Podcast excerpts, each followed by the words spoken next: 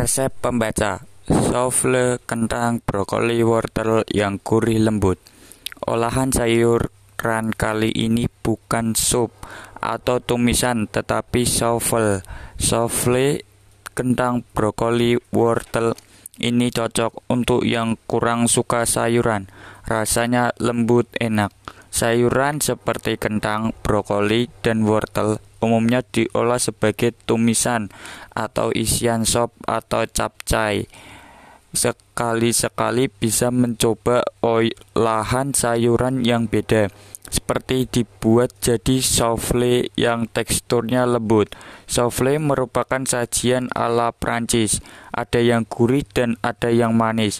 Adonan bahannya memakai paduan putih telur kocok sehingga teksturnya jadi mengembang ringan. Bisa disajikan sebagai menu sarapan atau dessert. Pembaca detik vote Dewi Mahardika membagikan olahan sayur dalam bentuk souffle kentang brokoli wortel.